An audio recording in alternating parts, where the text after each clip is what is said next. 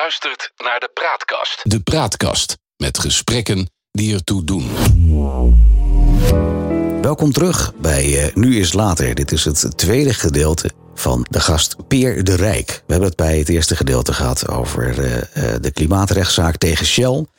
En wat voor competenties en vaardigheden hij daarvoor nodig had.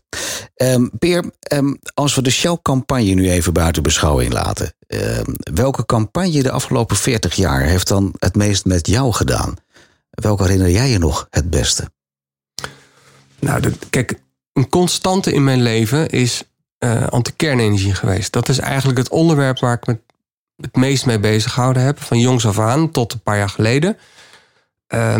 En dat is dus niet per se één activiteit of één campagne. Er zitten allerlei hoogtepunten tussen. Maar ik ben wel ongelooflijk trots op wat we, we in algemene zin met de anti-kernenergiebeweging in Nederland voor elkaar hebben gekregen. Mm -hmm. het is denk ik wel echt wel een van de meest invloedrijke sociale bewegingen uh, rond milieu geweest. En die nu nog steeds als voorbeeld wordt gezien voor, hè, door mensen in de klimaatbeweging. Die de, dus daar, daar kijk ik, nou ja, het is niet zo dat ik er afscheid van heb genomen, maar ik, ik ben nu net zelf met iets anders bezig. Maar ik kijk er wel met ongelooflijk veel trots op terug wat, wat we en ook mijn eigen, wat ik daar zelf in heb gedaan. Ja. Want dat is wel, uh, in 1980 zat ik dan als jongetje op de, op de dijk uh, bij de kerncentrale Dodewaard. Ja. En twee jaar geleden deed ik mee aan, uh, deed ik mee aan de, dat organiseerde ik een van de laatste grote acties. Mm. Dus dat is, een, dat is een lange periode in mijn leven, constante geweest. Ja. Hoe is het dan voor jou, als, als, ja, als ik dat als een bijna direct betrokkenen mag uh, noemen, om dan 40 jaar later eigenlijk hernieuwd die discussie te zien opladen? Ja. Van ja, ja voor het CO2 moeten we toch wel weer naar kernenergie, want het is nu veel veiliger. Ja, wat, ja dat is. Uh, uh, de ene dag wat ontmoedigend en de andere dag kan ik er ook wel om lachen. Kijk, die beweging hebben we een aantal keren. Dat komt gewoon om de vijf nou, maximaal tien jaar komt het terug, zo'n golf. En dat is logisch, want de energieopgave is, is groot en heel ingewikkeld. Um, dus het is op zichzelf helemaal logisch en op zichzelf ook helemaal prima dat er steeds opnieuw naar elke optie wordt gekeken. Ik vind ook echt, um, en dat zou ik misschien in 1980 niet gezegd hebben, maar dat zeg ik nu al wel een tijdje. Je moet oprecht altijd nieuwsgierig blijven naar ontwikkelingen. Ja. Dus je moet ook openstaan voor de mogelijkheid dat, dat de problemen die, wat mij betreft, aan kernenergie kleven ja, dat die opgelost kunnen worden. Mm -hmm. dat, dat is op zich goed voor het debat. Um, het is wel jammer dat het vaak ook gebruikt wordt als manier om de transitie te vertragen. Door, door, door bepaalde krachten. Um, te vertragen bedoel je mee dat we ook niet kijken naar zon, wind en dat soort dingen? Ja, je ziet het nu heel concreet. Hè. In Nederland hebben de, de, de, de, regio's hebben een opdracht gekregen... eigenlijk om bepaalde hoeveelheden schone stroom op te gaan wekken. Ja. En er zijn heel wat plekken die dan, uh, die dan zeggen van... ja, maar als we nu naar kernenergie gaan kijken dan hoeven we die windmolens niet te bouwen. Even heel simpel gezegd. Mm -hmm. en, en voor een deel gebeurt het uit overtuiging, maar voor een deel gebeurt het ook willens en wetens om, om de boel te vertragen. Met welke motivering dan? Nou ja, voor een deel uh, omdat ze dus heel graag die andere optie op tafel willen, willen houden. Omdat ze graag die kernstralen zouden willen realiseren. En voor een deel omdat ze gewoon niet geloven in die, de noodzaak van die energietransitie. Omdat ze eigenlijk dingen bij het oude willen laten. Um, en dan is niks makkelijker dan een soort stip op de horizon, een, een technologische oplossing. Want... Ja, dat conservatieve snap ik even. Maar mm. ik zit even nog één stapje terug. Dat mm. ik denk van ja, maar wat bedoel je nou? Wat, wie, wie heeft er baat bij als, als wij uh, kerncentrales gaan neerzetten? Nou, dat is een hele goede vraag. Want dat is eigenlijk niet goed. Dat is, en dat, dat, dat verbaas ik me al 40 jaar over. Wie heeft er inderdaad nou precies echt baat bij? Uh, in financiële zin is dat eigenlijk vrijwel niemand, of misschien een heel klein. Nou, dat, ik denk dat dat, dat, dat eigenlijk niet of nauwelijks uh, zo is. Mm. Um, dus, dus baat bij hebben in de zin van uh, geloven in technologische grootschalige oplossingen. Dat is natuurlijk een ideologie bijna. Ja. mensen die daarin geloven, die hebben daar baat bij. En, en de groep mensen die dus die eigenlijk gewoon niet te veel veranderingen wil. Die willen misschien ook helemaal niet per se die kernstralers. Die willen gewoon dat er niet zoveel gebeurt. En die daar, zijn zo conservatief en, ja, of die zien hebben, niet ja, de, de noodzaak. Ja, of die hebben natuurlijk belang in, de, in het fossiele systeem waar we nog in zitten. Ja. Dat kan natuurlijk ook. En dan is het... Je kan, kijk, je komt niet meer weg met te zeggen... we moeten doorgaan met kolencentrales. Mm. Um, maar je kan wel blijven... je kan natuurlijk heel lang blijven zeggen... ja, ooit gaan we over op kernenergie. Dus laten we niet te veel veranderen op, op, op korte termijn. Dat, dat zou een belang kunnen zijn. Ehm, maar dat, nou goed, de- die hele discussie over de energietransitie is verrekte ingewikkeld. Ehm, Maar wel leuk. ja, heel erg interessant. Ja. Nee, zeker. Ja, absoluut. En, en ik geloof dus nadrukkelijk in de mogelijkheden. Ik bedoel, we, ehm, als je kijkt naar technologische doorbraken op, op het gebied van wind en zon, zijn er natuurlijk het meest bekend. Ja. Eh, batterijen gaat nu gelukkig heel snel. Ehm, ja, dan denk ik echt van ja, laten we dat met elkaar omarmen. En ook nadrukkelijk echt met elkaar. En eh, wat mij betreft ligt daar een gigantisch mooi verdienmodel voor dit landje. Ja, Wat zou daar de rol van Peer in zijn? Wat is jouw rol daarin? Nou, ik denk dat mijn rol, eh, ook bij een organisatie als Milieudefensie, die daar natuurlijk ook, nou, ook uit een bepaalde tijd komt en een bepaald profiel heeft, ook daar zijn natuurlijk krachten die zeggen van. Eh, die met een bepaalde toon en, en, en een blik naar multinationals kijken, bijvoorbeeld. Ehm, nou, in, die, in, in de rechtszaak Shell heb ik er voor, voor zover nodig ook mee helpen opletten dat we, dat we niet eh, uitdragen dat een partij als Shell eh, per definitie slecht is. Maar dat het, wat mij betreft, nadrukkelijk echt een, een uitgangspositie heeft die ons enorm veel verder kan helpen. De infrastructuur die ze hebben, de kennis die ze hebben, het geld wat ze hebben, laten we wel wezen. En, en dat we dat soort partijen dus heel hard nodig hebben. Ik, ik zit daar dus misschien anders dan vroeger minder ideologisch in. Ik kijk naar de noodzaak van of de snelheid die, die nodig is om het klimaatprobleem aan te pakken. We hebben letterlijk nou, nog acht, negen jaar om die 50% reductie te bereiken die nodig is. Ja, dan denk ik, ehm eh, huppakee, snel, grootschalig uitrollen, windparken. ehm, Maar je roept net van, van ehm, ik ben daar minder ideologisch in dan dat ik eerder was. Ehm, zou dat een verschil zijn dan? Want, want tegelijkertijd zeggen, ja, het is gewoon nodig. En dat, dat, dat zien we met, met z'n allen nu. Dus wat is het verschil dan? Wat, wat zou er nog ideologisch bijge, bijge, geprutst moeten worden, om het zo Ja. uitdrukken? Kijk, misschien, ik, ik, ik denk dat ik in 1980, maar goed, toen was ik ook 14, hè, dus ehm, dat, ik, dat ik toen, eh, als je het mij gevraagd zou hebben, dat ik, dat ik op zoek was of aan dacht te werken aan een soort anarchistische heilstaat, Ja. waarin alle productiemiddelen genationaliseerd en verdeeld onder het volk zouden zijn, met zeggenschap op heel, heel klein lokaal niveau. Een beetje communistisch, idealistisch. Ja, ja, ja. Ja.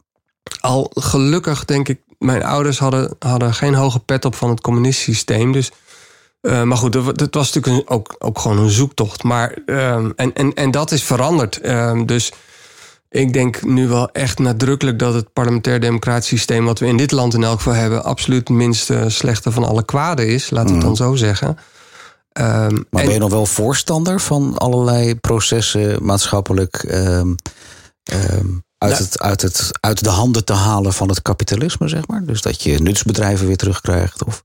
Nou, het is wel de, de, de beweging om inderdaad eh, de energievoorziening uit handen te geven aan, aan private bedrijven. Dat is denk ik toch echt wel een onhandige geweest. Ik kan me goed voorstellen dat je, dat je daar eh, andere keuzes in zou maken. Ehm, en dan wel, want dat was natuurlijk het groot probleem in de oude systeem van energievoorziening. Eh, een enorme eh, inefficiënte manier waarop er mee omgegaan werd. Wat ertoe leidde dat we nou, steeds maar grote kolencentrales bleven bouwen. Ja. Eh, dus daar, daar zou natuurlijk absoluut in, in iets in moeten veranderen. Ehm, maar dus een, op een of andere manier een, een hybride systeem. Ik bedoel, veel overheidsinvloed en overheidsingrijpen op de energievoorziening is gewoon nodig. Dat, dat, omdat we zo snel iets aan klimaatverandering zullen moeten doen. Dus we- als we het nu zouden overlaten helemaal aan de markt, dan, dan zou het echt niet meer goed komen. Maar je ziet daar wel een rol voor jou, want daar hebben we het over. Het is natuurlijk eh, Hmm. de serie Nu is later, dus het gaat me met name om jouw rol. Ja. Ehm, maar eigenlijk zeg je van nou, ik, ik ben dat hele strakke ideologische, bijna anarchistische ben ik wel kwijt. Want ik zie wel de rol die we nu hebben. Maar als je het over die transitie hebt, dan zeg je eigenlijk van ik denk dat we hele strakke politieke beleidslijnen nodig hebben. Waarbinnen dan het model van marktwerking kan. Ja, Dat hoor ik jou zeggen. ja, ja. Wat is, wat is jouw rol daarin dan? Als mens? Als peer?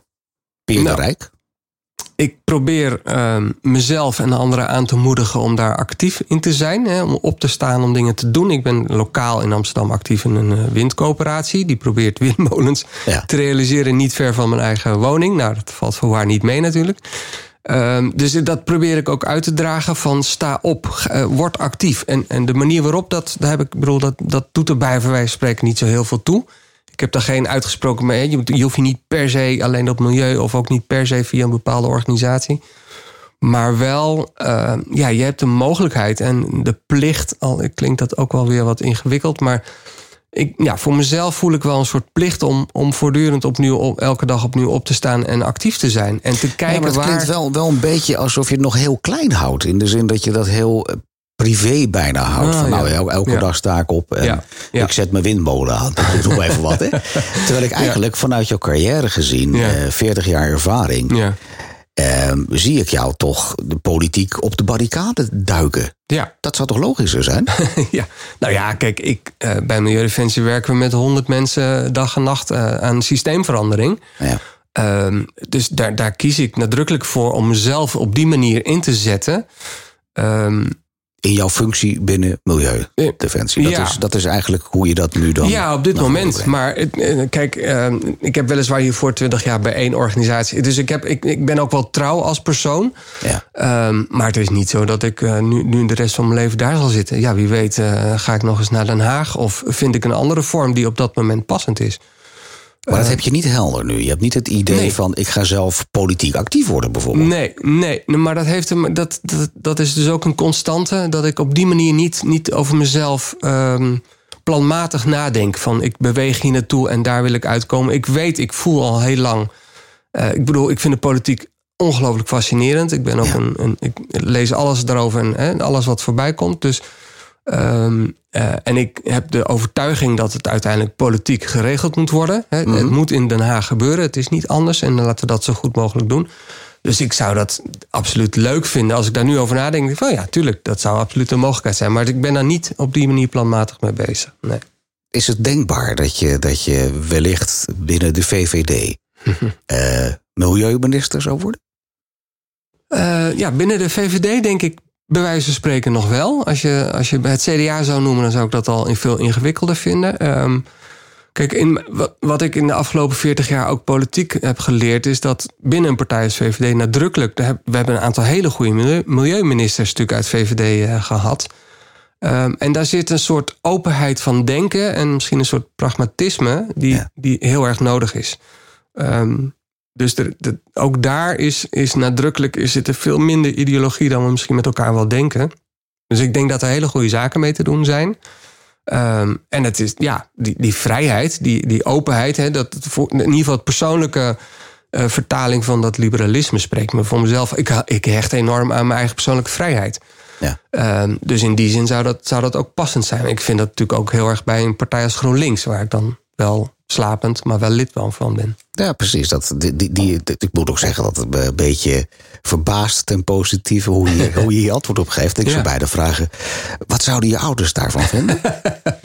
Ja, nou, mijn vader eh, die is overleden helaas, dus dat weten we niet. Maar eh, ik denk dat mijn moeder daar wel eh, enige moeite mee zou hebben. ja, die komt zelf eh, uit een rood SDAP-nest en haar moeder heeft in de Kamer gezeten voor de PvdA. Dus d- daar, daar zou denk ik wel enig. eh, maar eh, ook zij weet dat ik dat, dat persoonlijke vrijheidsdeel daarvan en het pragmatisme, dat, dat denk ik wel dat ze dat zou herkennen. Dus eh, ja. D- Laten we eerlijk zijn, de VVD heeft een omslag gemaakt de afgelopen tien jaar. We nu zien dat we zelfs op dit moment van spreken al allerlei klimaatplannen liggen, die had, dat was tien jaar geleden ondenkbaar. Ja, ja. Wat vind je daarvan? Dat, dat, dat we het, ondanks de polarisering van de maatschappij, Mhm. op dit punt blijkbaar toch elkaar vinden? ja dat, is, ehm, ook, dat is dubbel. Ehm, want het is heel mooi dat, we, dat, dat wat er gelukt is, is toch maar eh, gelukt. En dat is heel mooi. En tegelijkertijd, ja, het is eigenlijk gewoon niet voldoende. En je ziet toch ook dat ehm, de, de, ja, op dit moment VVD, maar nog meer denk ik het CDA. eh, en het feit dat ze zo eh, aan hun rechterflank zoveel druk voelen van partijen die gewoon echt niks willen op dit gebied. Ja, daar, daar zit toch, eh, da- daardoor worden we echt wel afgeremd. Ehm, eh, nou ja, we zitten nu letterlijk in een eindeloze eh, kabinetsformatie die niet eens eh, die, die naam eh, verdient. Terwijl er zoveel moet gebeuren en er zoveel haast is. Ehm, maar goed, het, het, het is waar. Er is gelukkig in de VVD een sterke stroming die het probleem onderkent. Ehm, en soms verschillen we nog een beetje over de, de oplossingen. Ja. Maar het feit dat het, dat het probleem zo breed en massaal onderkend wordt en gezien wordt. En dat er wel een, een houding is van, ja, er moet toch echt wel iets gebeuren. Ja, dat is natuurlijk wel heel fijn, want anders zaten we echt helemaal vast. En jij hebt daar een rol in gehad. Dus ik kan me ook voorstellen, Ja. gewoon als mens, dat, Ja. je, dat je daar best met enige trots op terugkijkt. Ja, dat, dat, dat is ook zo. Ik ben, ook, ik, en ik ben nog lang niet klaar, maar ik eh, kijk zeker met trots op terug. En eigenlijk elke dag opnieuw. En ook weer die Shell-zaak. ehm, ja, er wordt natuurlijk ook wel wat gesputterd. En de, de rechter gaat op de stoel van de politiek zitten. Het zal allemaal wel. Maar we hebben wel iets, iets enorms in beweging eh, gebracht. Ja. Eh, net zoals ik eh, na die, die, al die jaren rond kernenergie heel veel in beweging heb gebracht. En daar ben ik zeker trots op. Ja. Je zegt, ik ben, ik ben nog niet klaar. Is er een moment denkbaar dat je wel klaar bent? Dat, het, dat je zegt, nou, ik kijk nu naar de politiek, naar de maatschappelijke ontwikkelingen. Ik kan lekker bij mijn open hart gaan zitten. Nee, eh, dat, dat vind ik ook geen aantrekkelijk perspectief. dus, eh, nee, want ik vind het ongelooflijk leuk wat ik doe. Dus zolang dat allemaal fysiek en mentaal en zo een beetje kan, zal ik dat blijven doen. Eh, ik, ik heb anderhalf jaar geleden is mijn eerste kleinkind geboren. Dus ik ben opa. Gefeliciteerd. Eh, dankjewel. Dat is natuurlijk ook, ja, dat is natuurlijk ook heel erg leuk. Maar dat, ik bedoel, ik ben in ieder geval op dit moment absoluut niet de opa die na het al bij de open haard gaat zitten met haar. Ehm, ehm, dus ik, nee, in principe hoop ik eh, dat, dat, of vermoed ik en verwacht ik dat ik, zolang als het me enigszins kan, maatschappelijk politiek actief zal blijven. Zeker. Nog even een stapje terug naar waar we het net over hadden. Over jouw, jouw politieke eh, interesse, eh, betrokkenheid. En tegelijkertijd de afwezigheid van een plan. Mhm. Is dat niet een beetje jammer eigenlijk? Ehm, is dat niet een beetje jammer? Nou ja, ik laat het zo zeggen. Ik heb het er nu toe op geen enkele manier eh, als, een, als, een, als een probleem ervaren. Ehm, eh, dat heeft misschien ook wel. Kijk, ik, ik hecht ook niet per se aan een groot inkomen. Ik ben niet heel materialistisch ingesteld. Eh, ik hou wel van verrassingen. Ik hou er erg van om mijn eigen leven zelf vorm te geven. Ehm, ik heb niet gestudeerd. Dat was ook op dat moment een hele bewuste keuze. Ook nooit spijt van gehad. Dus ja, dat zit in me. En ik, ja, ik ben wel goed terechtgekomen. Het is niet zo dat ik eh, dagelijks denk van... oh jeetje, hoe moet dat verder? Nee. En ehm, ik zit nu met veel plezier bij Milieudefensie. Ehm, nou, dat, dat, en, maar ik, ik weet niet of ik dat jaren ga doen. Ik, weet, ik bedoel, ik ben absoluut niet van plan om daar op korte termijn weg te gaan. Ehm, maar het is niet zo dat ik niet wegga omdat ik niet zou weten wat dan de volgende stap zou zijn. Dus toen ik bij de vorige organisatie, ik heb twintig jaar bij WISE gezeten, internationale anti-kernenergie club. Ehm, nou, op een gegeven moment om een aantal redenen was dat gewoon echt eh, genoeg. Ehm, en toen ja, heb ik ontslag genomen, eh, ook zonder vangnet, want dat kon die organisatie zich helemaal niet permitteren. Dus ik heb toen, ja, zonder, te weten hoe het verder zou gaan, dacht ik, van, ja, weet je, in dit land, wat kan mij gebeuren? Ik zit natuurlijk in een enorm bevoorrechte positie. Ja. Er zijn mensen die het echt veel moeilijker hebben, die dat niet zouden kunnen doen. Dus dat, dat besef ik me. Ik kon zeggen, ik, ik zie het wel. En toen ben ik eh, een aantal maanden nou, mijn huis afbouwen. Ehm, of laten afbouwen, niet zelf gedaan. Eh, laten afbouwen, maar ook in gesprek. Nadrukkelijk bewust met, met een heel breed en divers gezelschap. Nadrukkelijk buiten mijn eigen milieu linkse bubbel. Ehm, met het idee, eigenlijk steeds met één vraag eh, schoof ik aan bij allerlei mensen. Wat is volgens jou het meest nodig op dit moment? Mhm. Nou, dat waren ontzettend leuke gesprekken, gingen alle kanten op. En voordat ik tot, voor mezelf echt tot de conclusie was gekomen van... oké, ik wil de politiek in, of oké, ik wil het bedrijfsleven in, of wat dan ook... ehm, kwam, die vac, kwam die vacature bij, bij Milieudefensie van werken aan die Shellzaak. Ik dacht, ja, dat is wel eh, nog een episch... eh, episch eh, strijd of een epische campagne die, waar ik heel graag bij wil zijn. Dat, Ja. dat leek me wel wat. Ik, ik vind het leuk dat je dat terecht overigens ehm, vanuit een hele egocentrische hoek invalt. Ja. Ehm, we zijn aan het einde gekomen van dit tweede deel. We gaan zo meteen verder met deel 3. Dus is een leuke cliffhanger voor de luisteraars. Want wat mij een beetje verbaast is dat we eigenlijk concluderen van... joh, je hebt een carrière gehad van 40 jaar waar je nu een kroon op mag zetten. Hoe jij het gedaan hebt als coördinator om de rechtszaak tegen Shell te mogen winnen. Tegelijkertijd concluderen we net van eh, we hebben nog maar 8, 9 jaar tijd. Dus we moeten die, die, die maatschappelijk-politieke, sociale eh, verandering moeten we echt nu gaan inzetten. Anders hoeft het niet. Jij hebt daar ervaring mee. En je zegt van ja, Victor, het is wel gezellig, maar eh, nog, nog niet verder in beweging als dat ik nu bij mijn functie van milieudefensie doe. Zo meteen meer in deel 3.